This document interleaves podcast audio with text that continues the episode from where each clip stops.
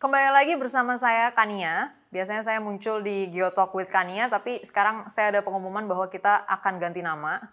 Karena banyak yang komplain katanya terlalu ribet untuk disebut. Jadi Geotalk with Kania ganti menjadi Bincang Nalar.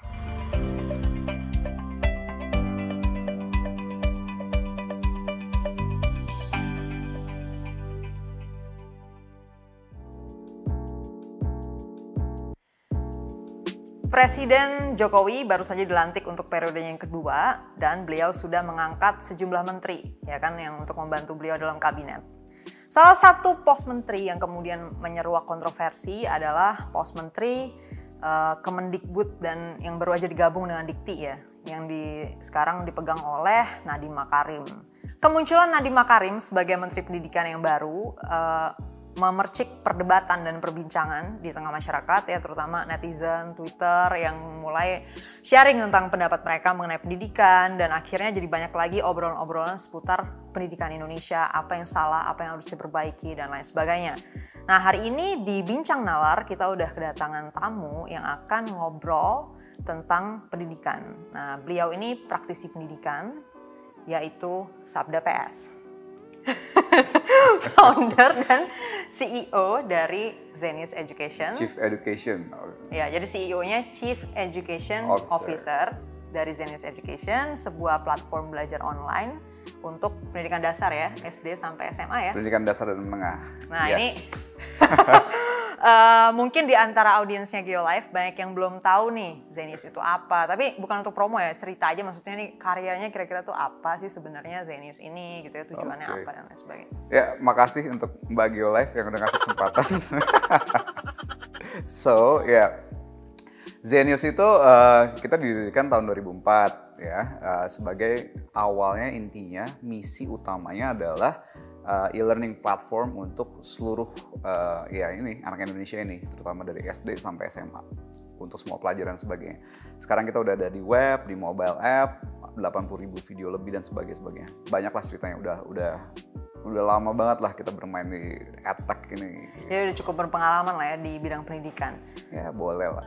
Gini Mas Sabda, salah satu uh, pertanyaan yang sering menyeruak di ya, tengah okay, masyarakat Kania, terkait dengan pendidikan online ya. Ini kan hmm. Zenius ini kan pendidikan online nih. Yes. Jadi kebetulan tadi udah sempat disebut ya kan tadi online pendidikan online kelas uh, eh, 1 SD sampai kelas 3 SMA yang berisi dengan pelajaran-pelajaran sekolah. Nah, jadi banyak yang uh, berpandangan bahwa bimbel online, pendidikan online itu sebenarnya cuman online version dari pendidikan yang sama aja yang selama ini udah berjalan secara offline yang diketahui carut marut gitu. Hmm. Jadi kayak cuman mendigitalkan kecarut marutan pendidikan yang udah ada di dunia nyata gitu. Gimana? Mas Sabda melihat ini? Ya, well sebenarnya gitu sih. Jadi gini, pertama-tama memang. Jadi sebenarnya membawa kecarut marutan dalam digital doang atau gimana? Maksudnya sebenarnya gitu tuh sebenarnya apa?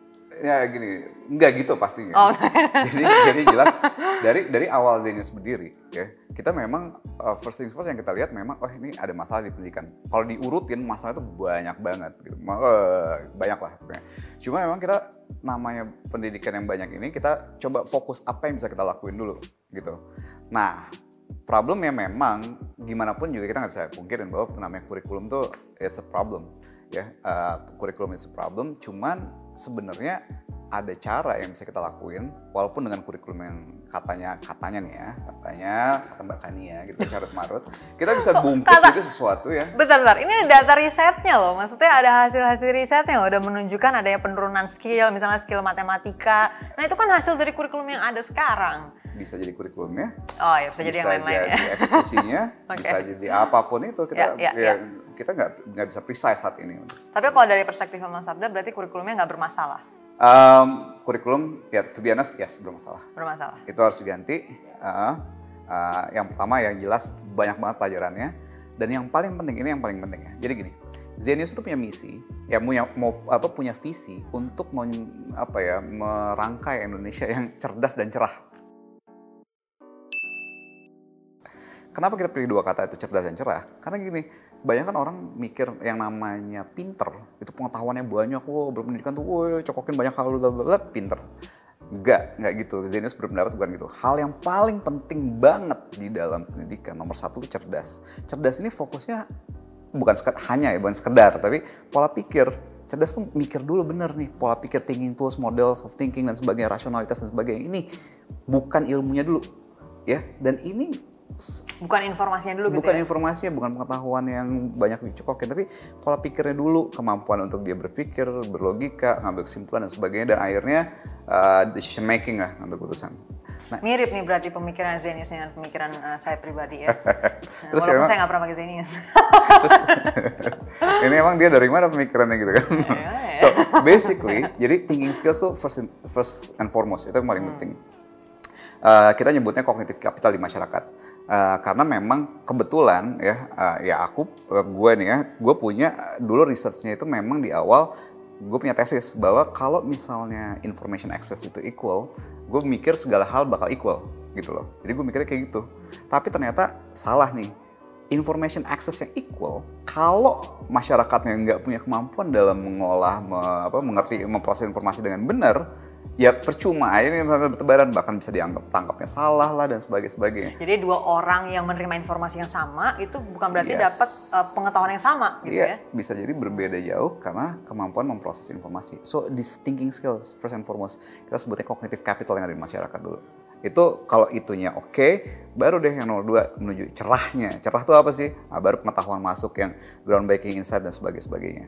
So maksudnya apa di poin di sini sebenarnya belajar tuh kan banyak banget pengetahuan di bumi ini itu banyak banget gitu. yeah. Nah kalau kita belajarnya nggak jelas yang mana mana ya itu banyak banget young learning yang terjadi belajar ini dan segala macam. So kita fokus nih makanya Zenius tuh salah satu apa salah satu idola kita pahlawan kita tuh Tan Malaka di mana Tan Malaka fokus science and reason thinking skills dibenerin oke okay. Kemudian baru groundbreaking science. Nggak harus semua science uh, significant scientific apa ya insights lah yang dijadiin thinking tools dan dijadiin uh, apa yang untuk mengubah paradigm. Ini yang paling penting. Itu dulu jadi belajar nggak usah banyak banyak ya kurikulum 16 pelajaran itu untuk SMA waduh. Hancur lebur itu kalau anak-anak pelajarin. Itu baru dari sisi kurikulumnya. Nah Uh, so apa yang tapi Zenus kan mengikuti kurikulum yang ada. Nah ini dia. Gimana? Gitu. Jadi kita ber, berlandas dari situ dulu mulainya nih bahwa thinking skills and uh, groundbreaking scientific insight itu yang mau kita lakuin So, uh, jadi memang tujuan utama itu cerdas nih, cerah. Thinking skills dulu nomor satu paling penting. Yang kedua, habis itu nanti groundbreaking scientific insight. Gak harus semua, tapi yang penting aja dulu. Oke? Okay? Nah, kita berpikir bahwa semua ini bisa diajarkan dengan bahan apa kurikulum yang ada tuh bisa nih nyelip masuk jadi kurikulum tapi di dalamnya keselip-selipin itu kita berbeda revolusinya dari cara uh, pedagoginya berbeda cara kita ngajarin berbeda konseptual logika intinya membangun pola pikir dulu dan kemudian ground groundbreaking scientific insights gitu. jadi justru membangun pola pikir lewat informasi yang ada dalam kurikulum ya? exactly ya? kurikulumnya masalah gini ya, somehow kayaknya yang bikin yang bikin kurikulum uh, apa ya dia menekankan pada pengetahuannya. Tapi nggak menekan pada pola pikirnya. Ya udah kita pola pikirnya kita tekenin gitu. Informasinya bisa apa pun yang penting mikirnya bener gitu itu yang paling penting. Apa karena apa? Lo belajar sesuatu bisa ya lupa nih setelah lulus lupa belajar apa lagi integral. Mungkin kalau nggak dipakai lupa oh, fisika ini lupa segala macam. Tapi pola pikir itu menetap. Itu yang last longer gitu. Dan kalau misalnya ya agak promosi dikit testimonial Zenius tuh banyak di di testimonial pemuda Zenius tuh banyak semua yang mereka ingat Tapi itu ini bukan bukan post truth nih testimoninya. Bisa dibuktiin ya. oh iya, ini, ini cerita langsung di Twitter yeah, juga ya. Yeah. Jadi poinnya adalah mereka bukan yang mereka ingat itu bukan detail-detailnya, tapi efek terhadap mereka berpikir untuk sumur hidup itu yang jadi lebih ngaruh. So uh, bukan membawa carut marut jadi dunia online, enggak. Kalau Zenius dari awal kita bukan kayak gitu gayanya. Oke, okay, kurikulum yang ada ini ya itu yang ada sekarang karena kita nggak punya kemampuan untuk mengubah kurikulum kan? Mau nggak mau itu yang harus kita terima. Tapi bagaimana kita membangun itu um, thinking skills dan cerdas dan cerahnya tadi melalui informasi dengan apa pun yang terbatas yang ada oke okay, we can do it gitu. Nah ini nyambung nih kan tadi udah sempat disinggung juga ya bagaimana Zenius melakukan uh, proses pendidikannya itu gimana. Jadi kan pendidikan itu kan sebenarnya bebas ya tujuannya ya nggak sih? Iya. Ya yeah. kan? Jadi semua orang misalnya gue mau bikin sekolah si Sabda bikin sekolah, mungkin di sini ada kru Geolife mau bikin sekolah nih kita bisa bikin tujuan kita masing-masing kan. Terserah mau bikin pendidikan tujuannya apa gitu kan, mau bikin orang jadi kayak gini kayak gitu atau gimana gitu, terserah kan. Nah sekarang perspektifnya Mas Sabda nih dan mungkin yang sudah di udah mulai dimanifestasiin juga mungkin ya lewat Zenius. Nah, Pendidikan tuh tujuannya harusnya apa sih gitu? Yang bagusnya? Jadi gini, ini ini ini aku mau ngomong dulu ya. Ini ya. ini penting ya, gue mau ngomong. Ketika orang dengar kata pendidikan, ya. biasanya, wah oh, pendidikan, anggaran dinaikin bagus nih, bagus nih, bagus nih. Gitu. Terus kayak, wah oh, pendidikan bagus. Intinya kedengar kata pendidikan tuh pasti biasanya cenderung positif. Kalau dinaikin anggarannya bagus, kalau ini bagus segala macam. Padahal first things first, sebenarnya apa pun jenis pendidikan ini, itu kan akan membentuk pola pikir orang-orang dan sebagainya, apa yang diajarin dan harus dan sebagainya. Dan itu jadinya bahaya banget. Misalnya, ketika pendidikan itu, misalnya ini ini pengalaman aku ngajar nih ya, anak-anak kecil itu sebenarnya dasarnya tuh, wah eh, mereka udah cerdas, kreatif dan sebagainya, punya pertanyaan banyak banget, curiosity-nya oke, kritis dan sebagainya. Anak kecil tuh banyak kan kayak gitu sebenarnya. Tapi ketika di sekolah mereka belajar hal yang hafalan untuk bahkan nanya suatu jawabannya bla bla bla. Udah pasti gitu misalnya akhirnya, kucing makannya apa? Pasti tikus ini, ya. Gitu. Ini kenapa begini? Mereka nggak diajarin untuk justru mempertanyakan lebih. Ya ini mau nggak mau ya kadang orang tua juga sibuk, orang tua juga capek dan sebagainya. Jadi tanyain, kalau ditanyain terus dia malas ada jawaban. Ya udahlah, ya, ya pokoknya gitu deh gitu. Kenapa ini begini? Ya gini. Kenapa begini? Ya karena udah gitu deh pokoknya deh gitu. Nah ini tuh bahaya banget. Artinya bahwa pendidikan yang akhirnya punya net impact negatif terhadap perkembangan sang manusia kecil ini, itu kan bahaya banget. Dan kalau bayangkan beroperasi dengan let's ini 100 triliun anggarannya setahun untuk menjalankan pendidikan kayak gini. Kita naikin jadi 200 triliun net impact-nya ini bahkan lebih gede lagi efek negatifnya, ya kan? Dan ini this, this is this is the, apa ya hal yang paling penting harus address. Jangan lihat tentang-tentang oh pendidikan dikasih dana, that's a good thing. Jangan. Bisa jadi pendidikan ini malah dibajak nih sama orang-orang yang oh mau mengajarkan radikalisme, mau mengajarkan justru orang supaya berpikir cepat, ketika ini dikasih dana lebih gede, ya lebih gede impact bahayanya. Itu hati-hati banget hal kayak gitu. Atau bahkan juga sekedar oh, oh pendidikan online nih, dengan gara-gara online semua bisa punya akses, oh bagus nih bagus. Tapi perhatiin isinya apa. Kalau isinya itu suatu hal yang net impactnya juga negatif, makin cepat juga racunnya nyebar. So this is a very very uh, apa this is a very danger thing lah. Nah so uh, jadi gue mau justru mau campaign di sini be careful of what uh, apa ya education yang kita mau mau propose kayak gimana. Zenius ini punya uh, pendapat bahwa yang paling penting adalah thinking skills dan rationality. Memang pendidikan itu ada dua ya, bagian kognitifnya, berpikir dan pengetahuannya, dan afektifnya, ya punya nilai rasa, berempati, toleransi dan sebagainya.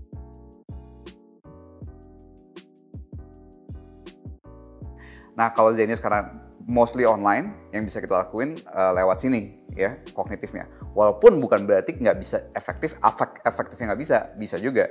Nah, apa bagian apa di sini yang paling penting?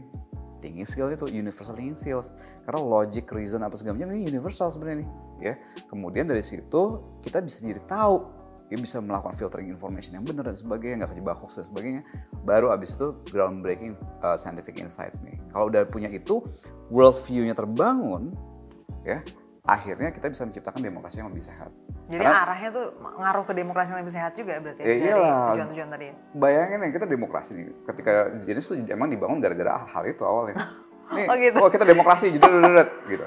Tapi, berarti dibangun pas awal-awal demokrasi itu kira-kira yeah. Abis reformasi 98, 2002 ada keresahan gimana nih bakal dimulai bla Ya, ya, ya. Uh, aku ngobrol sama apa uh, almarhum Pak Fuad Hasan mantan pendidikan terus kita diskusi jadi 2004 jadi Zenius.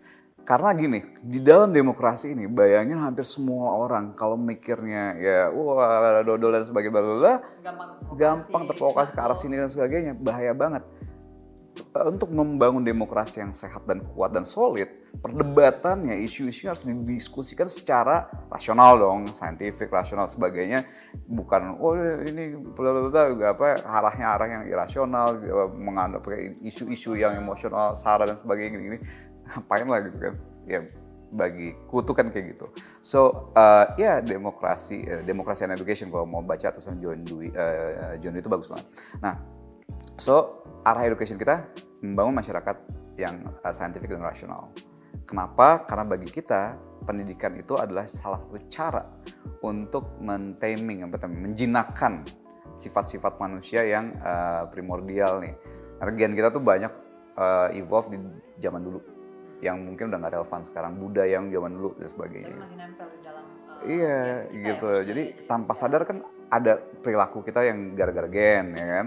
Kemudian ada eh, pengetahuan-pengetahuan dan sebagainya yang dibangun dari kecil nih tanpa sadar nih ada a lot of things yang masuk terus kita udah serap macam-macam. Nah pendidikan itu first thing first harusnya menjadi apa ya yang membuka pikiran dan melepaskan diri mereka dari belenggu-belenggu itu.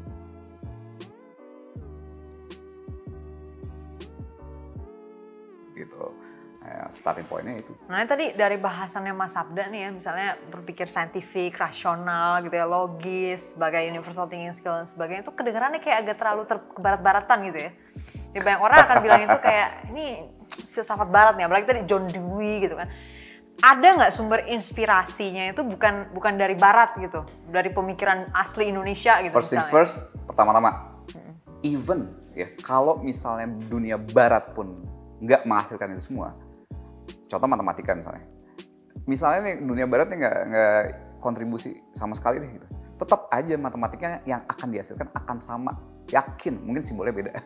Mungkin simbolnya beda. Logikanya Oh, akan sama. karena itu universal. Ya angka sendiri kan dari dari India dari ke Arab dan sebagainya Babilonia dan sebagainya. Ini dari dari Cina sendiri menghasilkan berbagai macam penemuan. Karena ini universal sifatnya. Logika itu universal. Diagram Venn logika itu universal, angka dan sebagainya. Ini universal mau mereka nggak kontribusi pun suatu saat akan ada orang di Asia mau di mana pun itu bisa masalah yang sama. Scientific pun kan gitu. Sains itu apa sih? Sains itu kan bagaimana kita menciptakan peta tentang realitas alam. Jadi kita membaca apa yang ada di alam aja gitu Exactly, ya. dan itu objektif. Di mana pun kita berada Ya akan mau alamnya, data. ya gravitasi gitu. Ya mau di Bogor kayak, mau di Depok kayak, mau di Meruyung atau di mana di London itu prinsipnya sama, fisikanya sama gitu. Siapa pun yang nemuin nggak peduli. Yang penting adalah kita tentang peta realitas. Kunci dari sains adalah bagaimana hipotesis kita bikin tebakan nih. Kenapa begini kita bikin tebakan kan? Uji dengan realitas. Semakin akurat dengan realitas, semakin bagus. Nah, jadi orangnya ya bukan berarti kita nggak ngasih kredit ke orang penemunya gitu kan. Cuman kebetulan Kebetulan dia yang nemu. dia duluan yang nemuin nih gitu kan jadi diklaim sama dia coba kalau stop stop stop oke kita affirmative action nih kayak kalau kita masih nemuin 50 tahun kemudian masih diakuin orang Asia misalnya kayak gitu Einstein nemuin eh, mungkin lima tahun kemudian ada aja yang nemuin eh, relativitas juga dan sebagainya gitu Kalau dari filsafat pendidikannya sendiri tadi selain Tan Malaka ada Oh, iya. tapi sumber pemikiran yang Oke, itu dari itu baru yang Nusantara pertama. gitu? Itu yang pertama kan. Eh, jadi gini, ada beberapa ada beberapa apa ya panutan cik panutan panutan orang-orang di yang lokal. Yang pertama itu Kartini. Kartini itu hebat. Kita kan nggak tahu ya, ya gue pribadi gue ngefansnya gila-gilaan. Eh, dan gue gini, semua orang tahu, wah habis habis gelap terbitlah terang kata Ya. Kartini. Tapi gue nggak tahu ada orang yang pernah baca itu. Itu ya aku tuh nggak pernah nemuin orang yang pernah baca nggak? Nggak tahu nggak. Dia cuma tahu itu judul Cuma tahu, oh, oh, Kartini. Bayangin ya Kartini, ya ini ada cewek di abad 19, di akhir abad 19, dipingit di kamar, cuma dikasih buku dan surat-suratan. Terus kemudian tercerahkan. Punya Itu kan pemikiran-pemikiran gila. yang gokil gitu ya. Brilliant gitu. Ya walaupun abangnya sumber ya, ya, pengetahuannya juga gokil gitu, tapi ini luar biasa independent learners. Nah kita melihat bahwa Zenius tuh mungkin banget untuk memberikan fasilitas seperti itu buat seluruh puluhan juta anak Indonesia ini di mana pun lo berada kayak Kartini deh gitu. We can create millions of other Kartinis gitu. Satu, iya jelas itu inspirasi banget banget banget dan kalau lo baca gokil pemikirannya. Kartini quotes lah Kartini least. bukan cuma sekedar eh, yang biasa orang omongin ya maksudnya. Yes. Dan, Tapi dia memang punya pemikiran dan- sebagai independent thinker exactly. Dan gitu ya. kita bayangkan mikir kalau Kartini pejuang perempuan segala macam. Iya. Ya lah. Coba dulu lihat, lihat pemikirannya itu bukan masalah perempuan atau laki-laki atau apa pun pemikirannya itu tuh gila gitu bukan soal perempuan dan sebagainya. Itu satu. Kedua, obviously ya Ki Hajar Dewantara lah. Misalnya ketika misalnya lo jadi pendidik, lo baca buku-bukunya, lo lihat karya-karyanya ya itu udah gimana ya, so inspiring. Kalau itu kalau lo jadi pendidik mau baca itu tuh kayak udah deh, bu- kalau lo bukan pendidik pun lo baca itu lo jadi pengen jadi pendidik. Ada nggak kutipan dari Ki Hajar yang bisa di-share? mungkin? Waduh, Ini yang paling insightful gitu menurut. kutipan langsung tuh nggak susah ya. Cuman misalnya gini, eh, pemikiran nomor satu dia tuh yang paling penting adalah bahwa pendidikannya berfokus pada humanisme. Humanisme itu nomor satu. Jadi kayak kayak uh, apa ya berfokus pada ya ini uh, terikatan antara orang, koneksi antara orang, humanisme, kemudian empati dan egalitarian, manggilnya ki dan nyai gitu, setaraan gitu ya, egalitarian kesetaraan. Jadi nggak ada batas-batas itu diskusi dan sebagainya itu oke. Okay. Dan yang paling penting ya, yang juga menginspirasi Zenius adalah bahwa semua orang punya hak atas pendidikan ya. Human knowledge itu itu hak ya, apa uh, akan ilmu lah gitu. Nah itu dari dari satu dari Kartini, dua dari Kajar Mentora jelas banget, banyak banget sih dari dia. Ketiga jelas dari Tan Malaka. Kenapa? Karena itu tadi balik lagi pelajaran dalam pengetahuan segala macam banyak banget luas banget.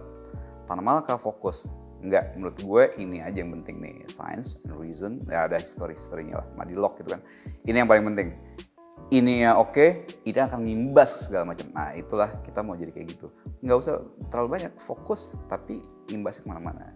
Gitu. Oke pertanyaan terakhir nih, ini mungkin yang udah ditungguin nih ya sama audiens juga. Curang dia, yang clickbaitnya di terakhir di kalau ya nanti kayak ada di judul thumbnail nanti ya. Uh, jadi kan Nadiem Makarim terpilih sebagai Menteri Pendidikan itu menuai kontroversi, ya kan? Hmm. Ya ceritanya banyak yang apa-apa nih founder tech company tiba-tiba ngurusin pendidikan. Emang tahu apa dia soal pendidikan? Nah, sekarang kita tanya sama seorang guru ya. Sebenarnya guru ya, guru juga nih, bukan yes. bukan cuman uh, founder bisnisnya per se gitu ya, tapi ngajar ya kan, ngajar ya, kan? Aku gua gua ngajar matematika, fisika, ekonomi, ya thinking skills lah Nah, ya sebagai guru hmm. dan sebagai praktisi pendidikan yang udah cukup eh, uh, 30 tahun ya. curang gitu. Udah diskon umur kira, 15 tahun. ya, kira-kira ya itu ya udah cukup lama di bergelut di pendidikan. Mau cerita mungkin pendapatnya tentang terpilihnya oke jadi gini, gini. Masalah pendidikan Indonesia itu banyak banget. Banyak lah banyak. Udah kita nggak usah nggak usah tedeng aling tedeng aling nggak usah nggak usah dibungkus-bungkus. Banyak lah gitu kan. Nah uh, sebenarnya kamu kan yang bikin tebakan nanti nembak aja nih menteri. dia tanpa tahu sama sekali dia nembak, kaget.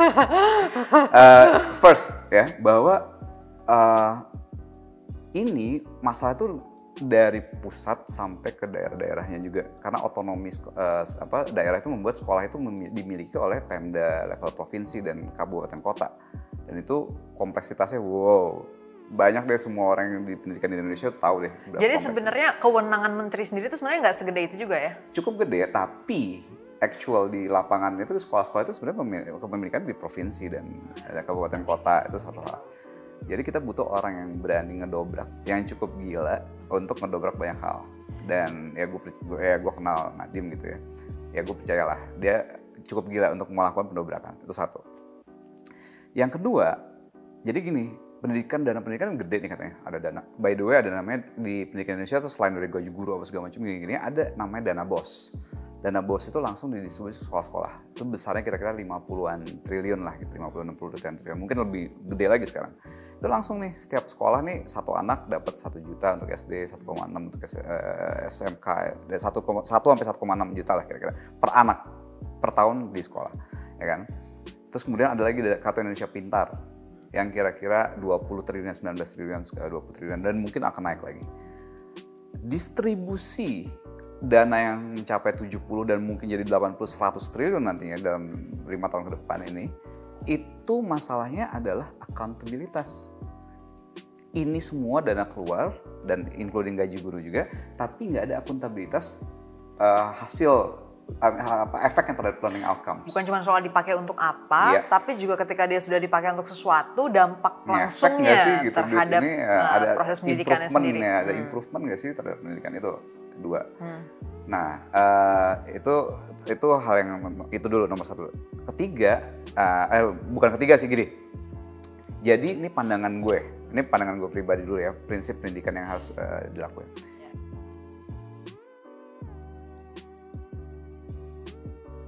pesan utama waktu aku ngobrol dulu sama Pak Fuad itu adalah soal jadi menteri pendidikan. Itu jadi pendidikan tuh bisa aja nih eh, hati-hati nih kalau kita bikin bagus kurikulum bagus nanti lima tahun kemudian kalau menteri ganti diobrak abrik juga. Ya. nah dari situ itu sejak sejak 15 tahun eh lebih lah 17 tahun ini sebenarnya gue kepikiran tentang hal ini.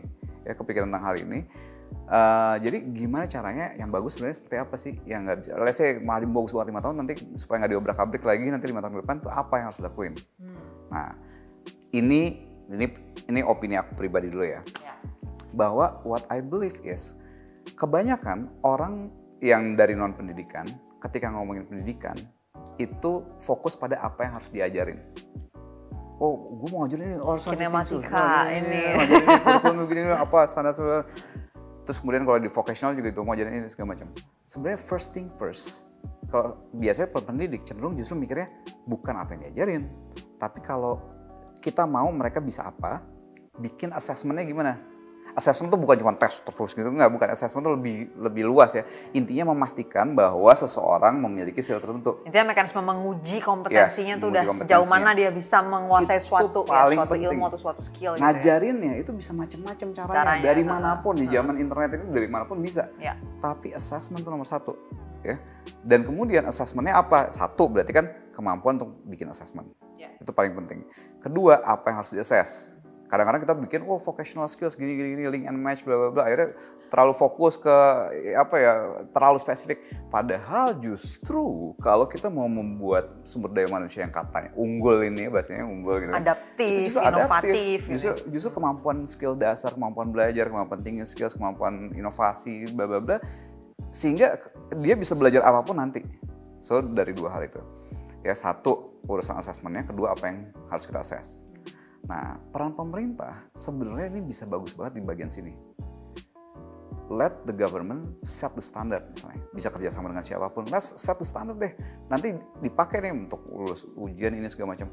Ini kadang-kadang ini kontroversial. Tapi to be honest, saat ini I think that's the best way. Standarnya dulu yang bisa bikin bikin soal apa bikin assessment yang bagus itu susah banget, susah banget. Dan bukan bukan soalnya susah ribet nggak karuan tapi. Exactly, tapi beneran apa yang dites tuh bener itu tuh yeah. pengalaman gue sebagai guru itu paling susah. Bukan cuma masalah nanya gitu, doang kok bisa dijawab enggak bukan karena kita harus benar-benar menguji bener nggak sih dia udah kalau dengan soal ini dia udah ngerti skillnya udah bener itu paling susah. Gitu.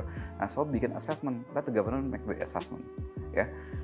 Yang kedua, setelah government make the assessment, baru yang kedua biarkan the free market. Nah ini kontroversial kata-kata free market nih. Kesannya wah kapitalisme. Bukan gitu maksudnya free market tuh serahkan inovasi pada masyarakat. ke publik, ke masyarakat, pada masyarakat dan sebagainya. Biarkan semua masyarakat terlibat dalam aktivitas yes. pendidikan dengan caranya masing-masing, yes. dengan kreativitasnya masing-masing. Yang penting gitu ya. standarnya udah jadi nih kan untuk untuk level SD standarnya gini, SMP, SMA, kuliahan apa untuk yang spesifik domain ini, yang vokasi ini segala macam untuk CPNS standarnya bisa sebagus mungkin yang sekarang tuh biasa uh, agak, agak gawat gitu ya. Gue kan let the government set the standard, oke? Okay? Ya. Nah, abis itu silahkan masyarakat ini berinovasi. Kapan balik ke Nadiem Makarim ini kapan? Udah selesai? Oh ini, ini, oh, ini justru itu. Ini baru mau balik. Nah, sekarang adalah gini. What is the best idea to do this? Gimana cara terbaik untuk melakukan ini? uh, di pendidikan tuh ada masalah. Kalau, kalau, ini kan karena si si menterinya mas menterinya ini adalah uh, apa bisnismen gitu. Uh, problemnya tuh kan gini bedanya pendidikan ini usernya ini yang make sama yang bayar beda. Maksudnya apa? Yang make itu si pelajar biasanya yang bayarin orang tuanya. Iya. yang pakai itu karyawan yang harus belajar kemudian yang pengen uh, yang bayarin perusahaannya segala macam. Nah ada stakeholders yang ngasih duit ya yang bisa punya duit dan mau mereka belajar tapi ini mereka nggak punya duit nih. Nah, menurut gue, the best way to do this adalah bagaimana government dan stakeholders penting ini justru bisa uh, apa ya pemerintah punya dana bos, punya KIP. Nah ini nih guru, siswa, pelajar ini seharusnya bisa punya wallet ya digital wallet atau segala macam dan tap app segala macam. Duit ini taruh sini. Mereka set the standard ya. The stakeholders set the standard yang bagus kasih duitnya ke sini, toh sementara kayak gitu dana bos dan sebagainya di disburse langsung ke sekolah. Kenapa aku nggak pernah dengar ide ini di Pilot Talk ya? This is actually groundbreaking. Nah, okay. ya dan dan ini Terus kemudian ada para pemain digital di sini. Ya kita bisa fokus digital dulu gitu kan supaya terlihat akuntabel itu jelas. Pemain digital silahkan punya barang apa segala macam di sini. Jadi para pelajar guru dan sebagainya bisa beli digital education product di sini dengan dana dari pemerintah dan sebagainya. Dan kemudian dari sini bisa laporan lagi nih, eh learning outcome sih gimana. Wah ini bisa jadi a very good way untuk gue bisa chip in duit ke channel-channel YouTube yang bagus ya kayak kok bisa gitu ya. Jadi silakan. mereka punya dompet di dalam digital ini Cenderungnya terus kita bisa sumbang nih buat pelajar bagus mahasiswa kita yang butuh sana. belajar atau bahkan yang pencari Ya, kerja ya, cenderungnya emang nggak punya duit untuk untuk untuk belajar. Yang yang punya duit tuh ya ya babenya gitu kan atau atau korporasi atau segala macam nggak Atau orang-orang lain yang orang-orang lain. udah lebih privilege secara sponsor dan sebagainya. Ini tahu pentingnya kasih duit pendidikan, sini eh, ini nah, beli digital product. dan dari sini accountability-nya jelas learning outcomes dan sebagainya dan of course Mas Menteri kita jagoan nih untuk bikin gini-ginian nih kan Eh, transaction financial Jadi di situ ya, di situ ya kira-kira ya eh, Pak Nadiem Makarim akan berperan bikin assessment yang bagus, yang secure, nggak bisa dicontek dan sebagainya, aman terjamin. Oh, iya, iya, Kemudian iya, iya, security. akuntabilitas pemakaian dana dari uh, anggaran pendidikan ini. 100 triliun lah nantinya bakal sini. Ya, at least kalau ada akuntabilitas yang kebuka ke publik dan inovasinya biarin masyarakat. Ya, uh, dunia publik. Ya bukan gara-gara gue punya perusahaan gue jadi ini, tapi tapi itu penting karena kita nggak tahu cara yang terbaik kayak apa. Nggak bisa dilakukan oleh government doang. Nanti channel-channel YouTube bisa juga tuh mungkin situ ya kayak Patreon gitu masuk ke situ. Silahkan. Termasuk nanti mudah-mudahan uh, Geolive ya biar Bayangin nggak inovasi mungkin dari guru-guru yang Iya, bagus iya, banget di iya. daerah. Oh, gue mau jualan konten gini mereka gini. bikin gini. channel mereka gitu Go ya. ahead, gitu. Di mana pun, di sini juga bisa. Tetap aja sih kalau ini memang pasti tetap jualan barangnya sendiri. Well, yeah, it's a apa ya, free market of Ya, innovation. ya, ya. Oke, I think that's it. Makasih Mbak Kania Geolife. Terima kasih Mas Sabda dari Zenius Education yang udah mampir ke Geolife di episode uh, Geotalk dengan nama barunya Bincang Nalar. Sampai jumpa di Ya, episode-episode kalau mau nanya-nanya lagi bisa tuh nanti kalau Oh, apa iya. biasalah Twitter gua lumayan aktif di Twitter. Nanti kita akan, oh tadi di beberapa menit awal mungkin nanti akan di Oh oke oke. Jangan lupa subscribe ke channel Geolife, follow juga sosial medianya Mas Sabda PS dan Zenius Education. Sampai ketemu di episode-episode Bincang Nalar selanjutnya.